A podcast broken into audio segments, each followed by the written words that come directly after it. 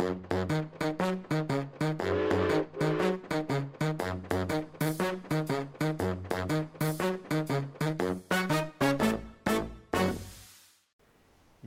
velkommen igjen til alle dere lyttere av podkasten Ekspedert, som vi produserer her på Narvik museum. Men studioet studio er såpass eh, mobilt og flyttbart at i dag kjørte vi i et nydelig høstvær utover til Ballangen. Og eh, skal finne en liten eh, juvel nede i fjæra eh, som har ligget bortgjemt i et naust i ganske mange år, kanskje altfor mange år. Vi snakker om båter. Og for å hjelpe oss med det her, så har vi tatt oss inn i studioet, eller vi på kjøkkenet til Per Einar Eilertsen øverst i Bjørkåsen. God dag og velkommen, må jeg få lov å si, i din egen stue. Ja, god morgen, god morgen, Jon. Og takk for besøket. Det var veldig hyggelig på en høstmorgen. Så når vi nå skal eh, gå, grave oss litt grann inn i eh, en, kanskje den mest ukjente, men kanskje den viktigste maritime historien i eh, Ofoten, som har sine aner i Ofoten, så eh, spør jeg gjerne deg, og du har sagt deg villig til å kunne si noe om det. Men kan du presentere deg litt for eh, lytterne våre, så vi vet hvem eh, det er vi prater med? Ja, jeg heter Per Einar Eilertsen. og... um, Født og oppvokst i Beisfjorden. Ana i Tysfjorden. Og, eh, og har slått meg ned nå i Ballangen. Eh, bakgrunnen min for å holde på med det her og ha litt interesse i det, ligger i det at jeg har eh, snart 25 år eh, rodd og seila nordlandsbåt, fembøring, åttring og småbåter. Restaurert dem og, og eh, i det hele tatt satt meg inn i bruken av båtene og oppbygningen og forståelsen av dem. Og så har jeg jobba i en 15 år med bygningsvern på Nordnorsk Fartøyvernsenter. Og jeg har vært ansatt i det tidligere Ofoten museum, som etter hvert ble Museum Norda. Så jeg har litt bakgrunn i historien og er historieinteressert i utgangspunktet. Så ja, det er et interessant tema, det her. Og du har båt sjøl ut av eh, din åttring, fembøring? Jeg har hatt fembøring, og er deleier i en åttring og har en hundromsfæring. Og eh, egentlig altfor mange båter. Jeg har hatt alle størrelsene på Nordlandsbåt. Okay, okay. Så jeg får prøve prøvd dem ut. Så du, eh, du, du vet, har litt peiling og har satt deg litt inn i historien? Ja, Det er jo interessant, denne historien her. Og det er mest fordi at eh, vi, vi har ikke egentlig hatt den hele og fulle sannhet som eh, alle sammen i dette her. Og eh, Trollfjordslaget har jo vært en sånn eh, stor greie, som en happening som har skjedd, som, som, har liksom vi alle sammen satt oss fast i. Og vi har jo hørt historiene om eh, slaget der inne, og hvordan fiskerne ble eh, stima fra dampbåtene, og, og harmen satt, eh, som satt i fiskerne. Såpass. Eh, Johan Boyer sin 'Siste viking' er jo en roman som har sine, sitt utspring fra det her slaget. Og, og, når vi snakker om eh, åtringa fra Ofoten, så kommer vi inn på et såpass betydelig historisk eh, situasjon eller hendelse. Det kan være litt interessant. Men vi skal, vi skal vi tar med lytterne eh, litt i geografien fra Narvik til Ballangen. Vi behøver ikke å lengre. Men når du kjører da forbi eh, Virak, eh, Saltvik og så hele Rånbogen, så krysser du elva opp til Storvannet, altså i Råna. Der da husker jeg fra min barndom vi var på butikken til Per Rasmussen. Per i Råna handla litt smågodter, spilte på Tieres automat. Og så kommer vi til Arnes og campingplassen eh, her i Storballangen. Eh, og nå Ballangsfjorden som er fylt igjen. Ytterst ute i fjæra der, Nyfjæra, der står et naust. Steinmonaustet. I det naustet så står en eh, båt. Den båten har navnet Ljåen, og det er en åttring. Kan du si litt om akkurat den båten før vi går videre inn i historien? Ja, det er jo litt spennende at vi har en båt som vi kan faktisk dokumentere var til stede på Trollfjordslaget. Vi, vi, vet ingen andre båter som har vært det. Vi har ikke noen noen tråder bakover i tid på noen båter som finnes i dag. Ja. Men uh, ljåen, som ligger i Steinmonaustet, den har tilhørt en mann som heter Markus Eriksen. Og det var litt tilfeldig at han fikk kjøpe båten i 1885. Han var på markedet i Kabelvåg, og der lå den båten, og den var bestilt av en annen mann som ikke kunne betale båten. Yes. Og da fikk han Markus kjøpe den båten. Og det var en råseilrigga båt. Alle nordlandsbåter på den tida var råseilrigga. Og um, Markus kjøpte den båten. Det har jo sikkert vært interessant å vite om hva han egentlig var der for, men han kjøpte i hvert fall den båten. Ja, han, han drev ikke med fiske den gangen. Han, han gjorde nok sikkert det, men vi har ikke historien til Markus okay. før den tid.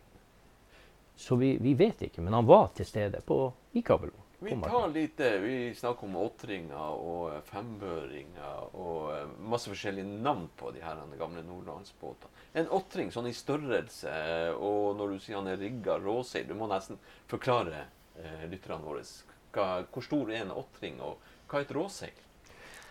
Alle har sett et vikingskip, og seilene til vikingskipene. Det er råseilet. Og Nordlandsbåten, og formen på Nordlandsbåten, bygginga av den, klinkbygde båter, er smidig og lett i havet, og, rå, og råseilrigger, som sagt, det skriver seg tilbake fra vikingtida. Det er veldig små eh, forskjeller mellom et vikingskip og en nordlandsbåt. Og eh, Nordlandsbåten han, det er jo en betegnelse på mange størrelser. Vi har jo helt ned i toroms båter, som er bare 15-17 fot. Helt opp til storfembøringen, som kan være helt oppimot 50 fot. Det er i kilder referert til noen båter som heter tendring, som vi klarer også å ane konturer av på enkelte fotografier, som var enda større. Men vi har ingen opptegnelser på det. Men de, de fantes. Men storfembøring og fembøring og åtring og nedover, det har vi ganske godt dokumentasjon på. Og hvis du nå går på eh, fot, hvor mange fot er en åtring? Åtringen kan gå fra 32 fot cirka, og opp til eh, 35 fot. 36 fot er fremdeles en åtring. 10-12 meter Ja. i lengde. Ja. Ja. Eh, eh, Ordet åtring, hvorfor kalles den for en åtring? Jo, eh, åtte mann kunne ro. Båten var blitt så stor at å sitte med to årer i en sånn båt, det ble for tungt ute på Lofothavet. I litt bølger og litt motvind så krevde det at du hadde bare ei åre. Og da var det åtte mann som kunne sitte og ro den båten. Med andre ord åtte årer. Der kommer åtring. Og han Markus, hvor han eh, bodde på, på land? Markus Eriksen han kom fra Råna, det vi kaller Råna i dag. Den gang da så het den plassen han bodde på, Rønelv. Og det er jo den elva i Råna som vi kjører over den lille brua i dag. Han bodde ute på neset der, og båten hadde naust ute på neset. Og kalte den for et eh, landbruksredskap, ljåen. Ja, for båten var en, viste seg å være en skarpseiler. Han bare skar gjennom båra og fløyt oppå og var veldig trygg og god båt. Han var lynrask. Så pga. at han var så skarp å seile med, så ble han kalt for Ljåen. Ljåen av Rønelv. Ok, Fantastisk flott navn. Ja visst. Det Var helt aldeles nydelig. Så eh, var du eh, tidlig i denne historien inne på eh, det skjellsettende Trollfjordslaget. Eh, mange år siden jeg leste romanen til han Johan Boyer, 'Den siste viking'. Men jeg har jo sett en del eh, malerier fra Trollfjordsaget. Både Gunnar Berg og ikke minst han Karl Erik Harr, som har eh, omgjort det her Trollfjordslaget på lerret, og kanskje dramatisert og også romantisert denne eh, historien. Ja, du, du er inne på noe. Og eh, Karl Erik Haar har jo romantisert litt, og, men heldigvis har de jo laga flotte, fine malerier av det her som har foregått. Men, men det, er jo litt viktig at vi, vi forstår bredden av det som foregikk den gang da, og, og at ikke trollforslaget blir værende i historien som den der David og Goliat-historia som det er. Der den store, rike mannen bare tok seg til rette og, og, og gjorde som han ville overfor eh, småbåtene. Det er mye sannhet i det, men det er også ei sidehistorie i det her som er viktig at folk forstår. Det er en sammenheng. Det, det Trollfjordslaget da, som ble nevnt, det, det foregikk i 1890 i, i mars, da lofotfisket var på sitt antagelig høyeste. Um, og, og her, her uh, blir det en konflikt, en fysisk konflikt imellom forskjellige båter. Og eh, Markus Eriksen, da, som var hovedsmann om bord i Ljåen, deltok på lofotfisket det året i 1890. Ja, det stemmer. Og det har vi faktisk fått dokumentert gjennom en stortingsproposisjon nummer 68 fra 1890. Han var en av de 15 høvesmenn som eh, forhandla med eh, dampskipet Svolvær og Fiskerioppsynet i Kabelvåg i forbindelse med Trollfjordslaget. Og eh, vi må gå tre dager tilbake for å forstå hva som skjedde. Eh, den forhandlinga skjedde den 3. mars. Og opptakten til den forhandlinga var det at eh, det gikk eh, bud om at det var kommet store fangster innerst i Trollfjorden. Skreien var gått inn. Og småbåtflåta, altså åtteringene, alfemterømingene, fireåringene og fembøringene, de seila og rodde seg oppover til Trollfjorden bare for å møte at fjorden var halvfull av is. De kom seg ikke inn. Fisken sto under isen. De kom seg ikke lenger inn for å fange den. De forsøkte jo å sette lina utafor isen, men det var dårlige fangster. Okay. Da kontakta de eh, eh, dampskipet Svolvær for å høre om de kunne komme inn og bryte isen for dem. Fremdeles er vi på 3. mars. 3. mars 1890. Ja. Mm -hmm. Og eh, det gjorde de. De prøvde, men de innså at båten var for svak. Den er for dårlig. Den var ikke egnet til å bryte is. Så de fikk et, et annet dampskip som han Kårbø fra Harstad eide, til å komme og gjøre jobben. Han hadde mer enn én grunn til det her. Han innså jo det at kommer jeg meg inn innafor de her og får begynne å bryte isen, så kan jeg stenge fjorden med lota. Sånn Kårbø fra Harstad hadde dampskip allerede da. Ja.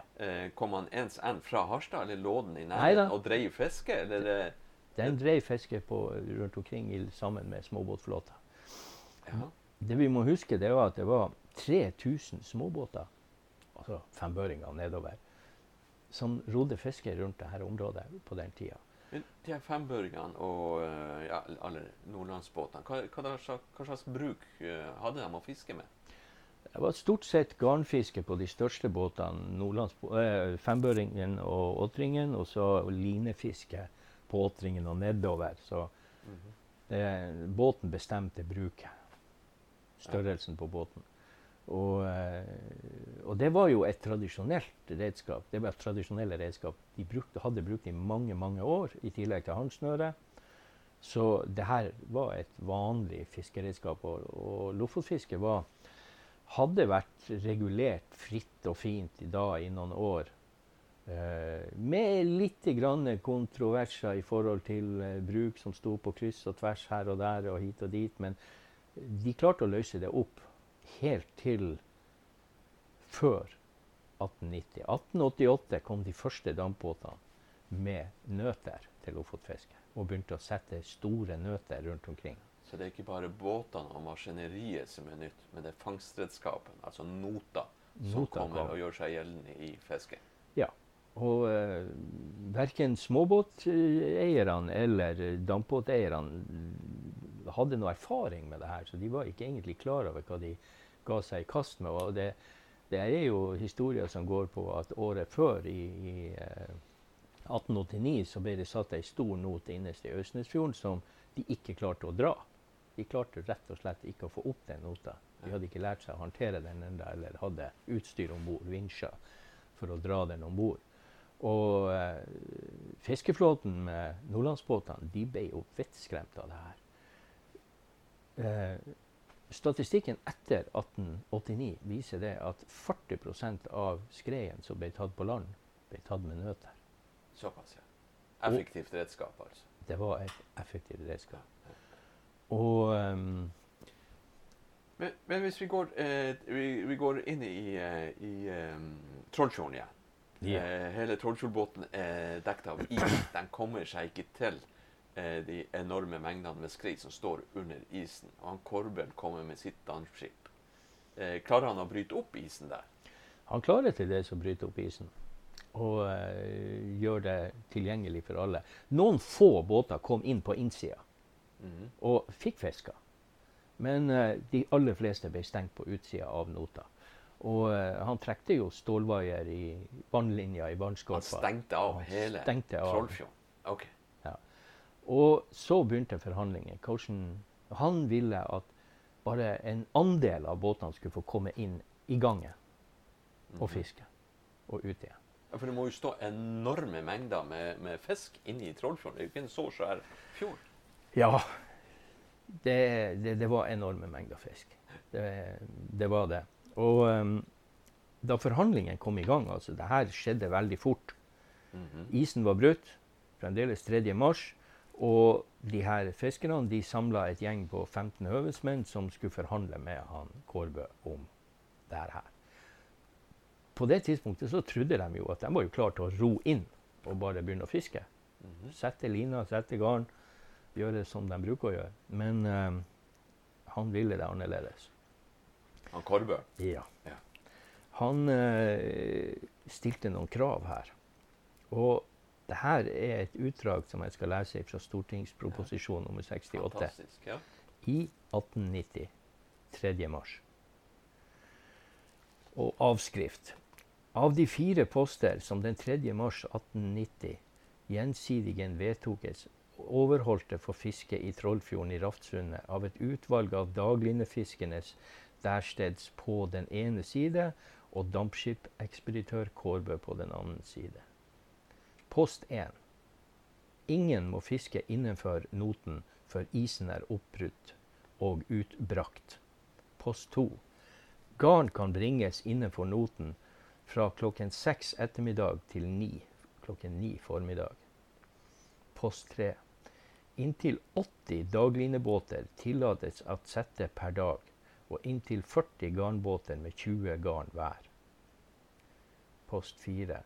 Linefiskere har adgang til å fiske innenfor noten mot at herr Kårbø at erlegger 50% av bruttofangsten inntil 400 fisk, og at erlegger 40% av den øvrige fangst. han skulle ha en god del ut av fangsten for de ja. som slapp innom. Ja, så han hadde en viss eiendomsrett til det her. Han hadde helt klart en eiendomsrett mm. til det her. Og eh, det gikk jo telegrammer ned til Fiskeridepartementet for å få løst opp i det her. Vi, eh, det var jo eh, eh Oppsynssjefen var til stede og korresponderte med Fiskeridepartementet. Men de ville ikke gå imellom. De ville ikke håndtere det her på en annen måte. De hadde allerede året før tillatt notbruk på lofotfiske. Så de ville ikke endre på det vedtaket. Og um, uh, litt lengre ut i den korrespondansen med når man uh, uh, får svar fra Fiskeridepartementet til oppsynssjefen, så så eh, kommer tallene fra året før at det var 14 millioner skrei ble levert fra Notflåten året før. Og totalt var det 30 millioner som ble levert. Antall skrei. Ikke kilo, men antall skrei. Ja. Nesten 50 av fisket ble levert av nøte. Og um, det er klart at de her Småbåtfiskere de ville ikke akseptere det her i det hele tatt. De hadde fiska fritt på havet, også i Trollfjorden bestandig, og ville absolutt ikke bli utestengt fra eh, Trollfjorden. Ja, og det er, så du, du sa i sted at det er 15 høvedsmenn, deriblant en av dem er Markus Eriksen fra Råna. eh, som blir invitert rundt forhandlingsbordet da, med de her eh, dampbåtrederne Ja. og de som eide nøtene. Ja. Det var jo sikkert mange hundre båter og høvedsmenn med i Lofotfisket. Vet vi noe hvorfor Markus Eriksen da ble invitert rundt bordet? Tilfeldigheter, eller vet vi noe om det? Det, det vi vet om det, er skrevet i andre kilder, det er at eh, de ville forsøke å få en geografisk spredt eh, mening om det her. Altså Ja. det skulle være fiskere og høvedsmenn fra flere klasser i Nord-Norge. Rett og slett. Ja, for de, navn, geografi. de 15 er nevnt med navn, og vi ser at de bor fra Helgeland og til Finnmark. Ja, Ja, altså Nord-Troms. Balsfjorden er, nevnt, og, og blant annet, men ingen, ingen lenger nord, og, eh, og helt ned til, eh, til eh, Lensvik i sør. Ok, ja. Ja. ja. Så um, det var den geografiske spredninga. De ble oppnevnt, står det i stortingsproposisjonen. Men hvem som oppnevnte, om det var et eh, utvalg av de 3000 høvesmennene, eller om det var andre som oppnevnte dem, det, det kommer ikke frem her. Nei, nei, nei. Så eh, det var liksom årsaken til at det her starta. Nota var kommet inn året før. Den skremte fiskerne. De så konsekvensene, at det her kan vi bli direkte eh, utestengt fra fisket. Og når, når de ble det i Trollfjorden, Ja. da oppsto konflikt. Eh, den, den eh, kan si, politikken og fiskeriforvaltninga i, i etterkant eh, kjenner vi jo litt grann til. Moderne båter, moderne redskaper, moderne metoder er jo de som har fiska best og håper si, vunnet ethvert Trollfjordslag eh, fra 1890 og frem til i dag. Ja da, vi har jo for uh, kuriositetens skyld så driver jo vi lofotfiske med fembøring fremdeles.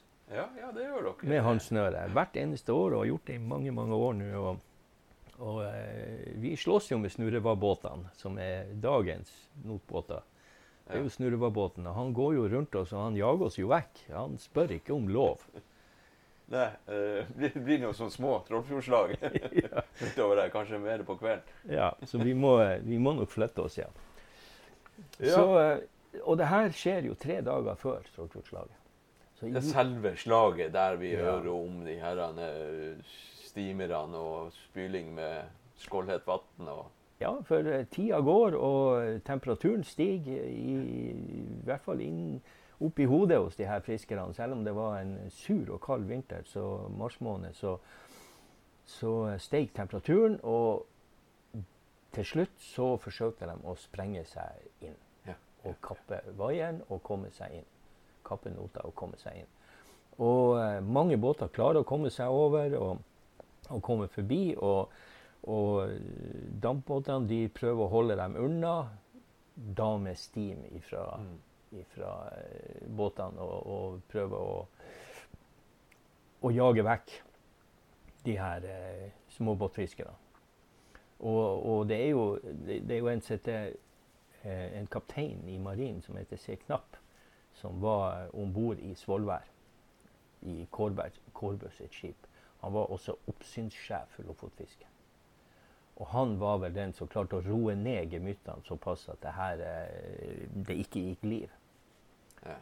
Men vi kjenner jo, resten, vi kjenner jo til resten av Trollfjordslaget, og, og det fikk jo plass i historien. Mest fordi at tilfeldighetene gjorde at det var faktisk en journalist fra Verdens Gang som var i Lofoten og skulle ja, dokumentere litt om lofotfisket. Han hadde satt seg inn i, i litt ting og tang på forhånd.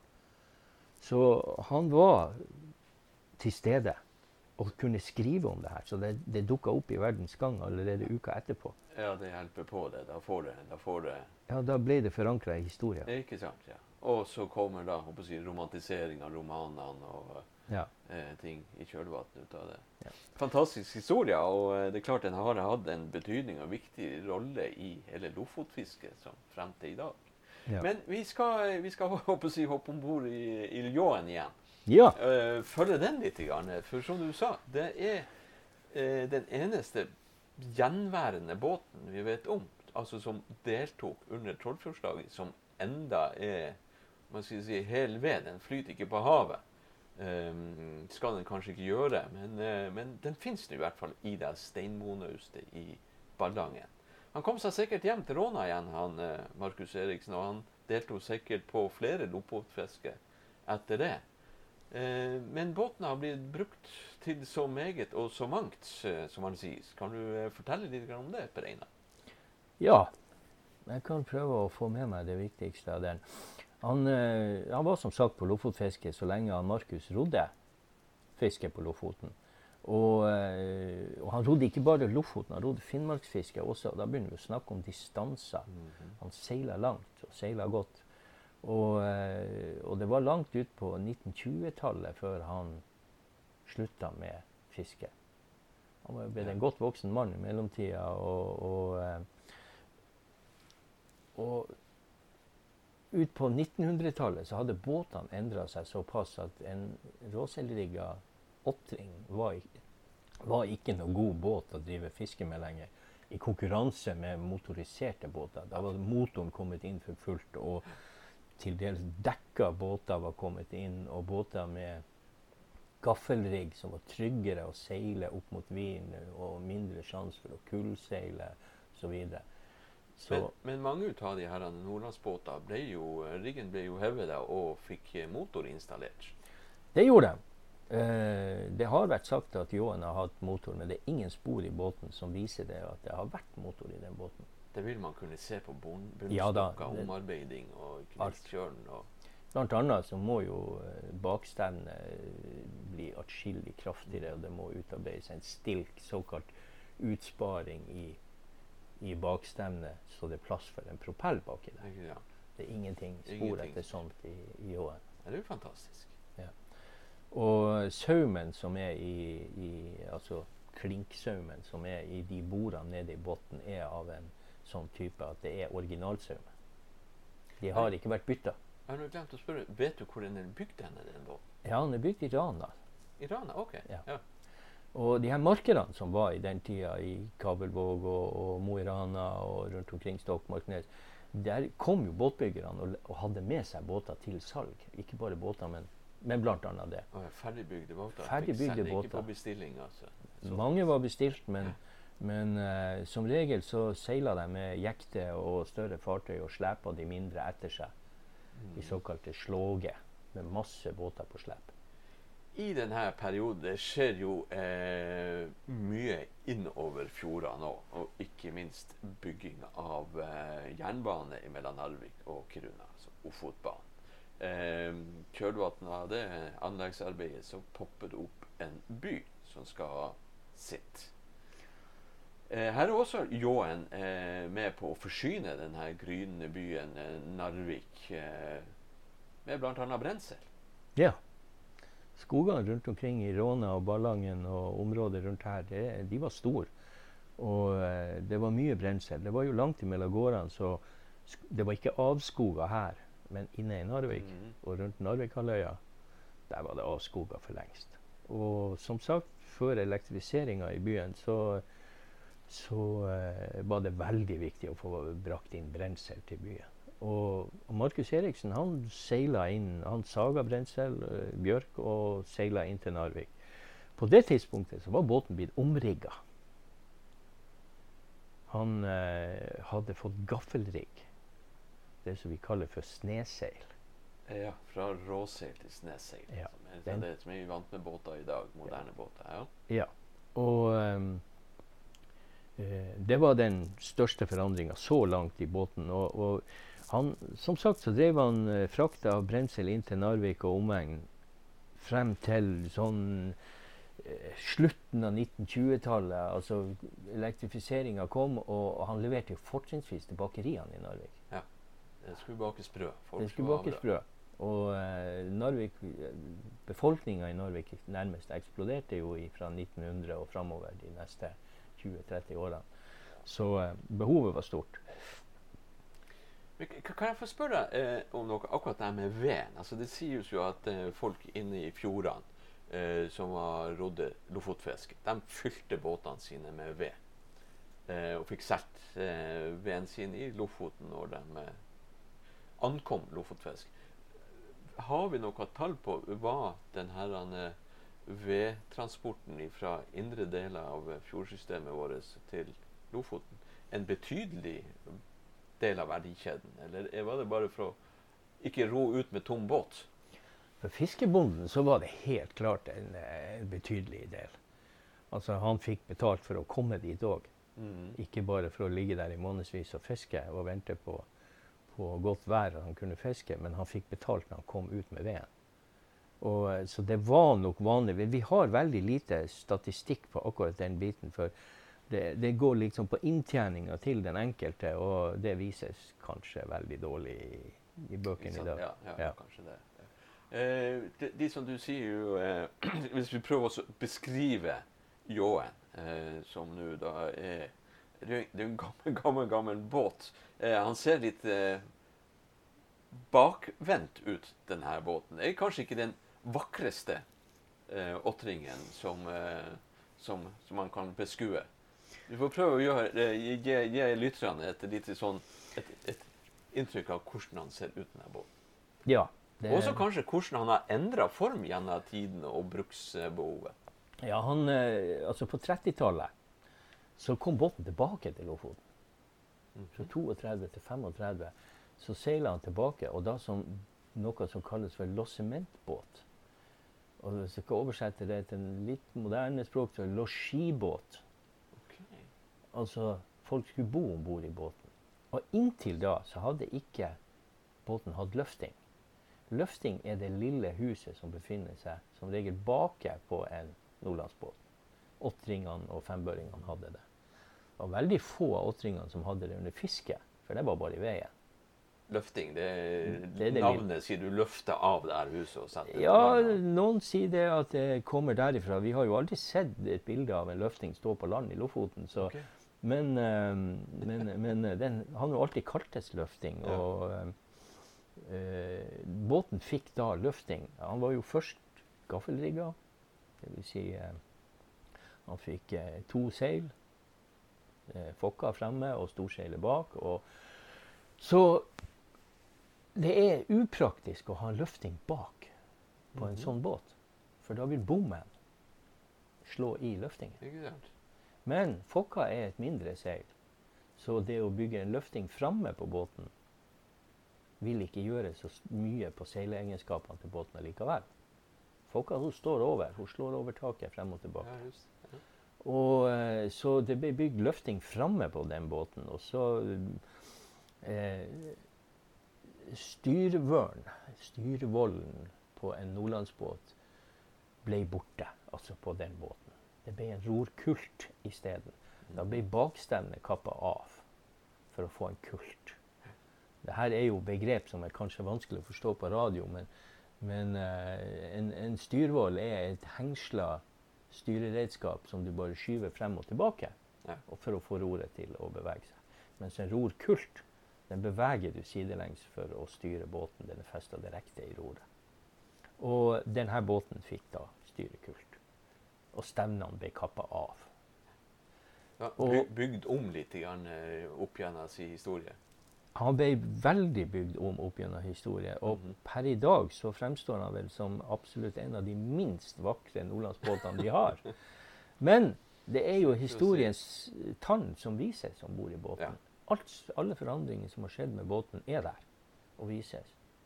Det er en av de båtene vi, vi skal ta vare på og ikke forsøke å sette i stand Vi kan bare tolke de sporene vi ser i båten, og, og ta vare på den.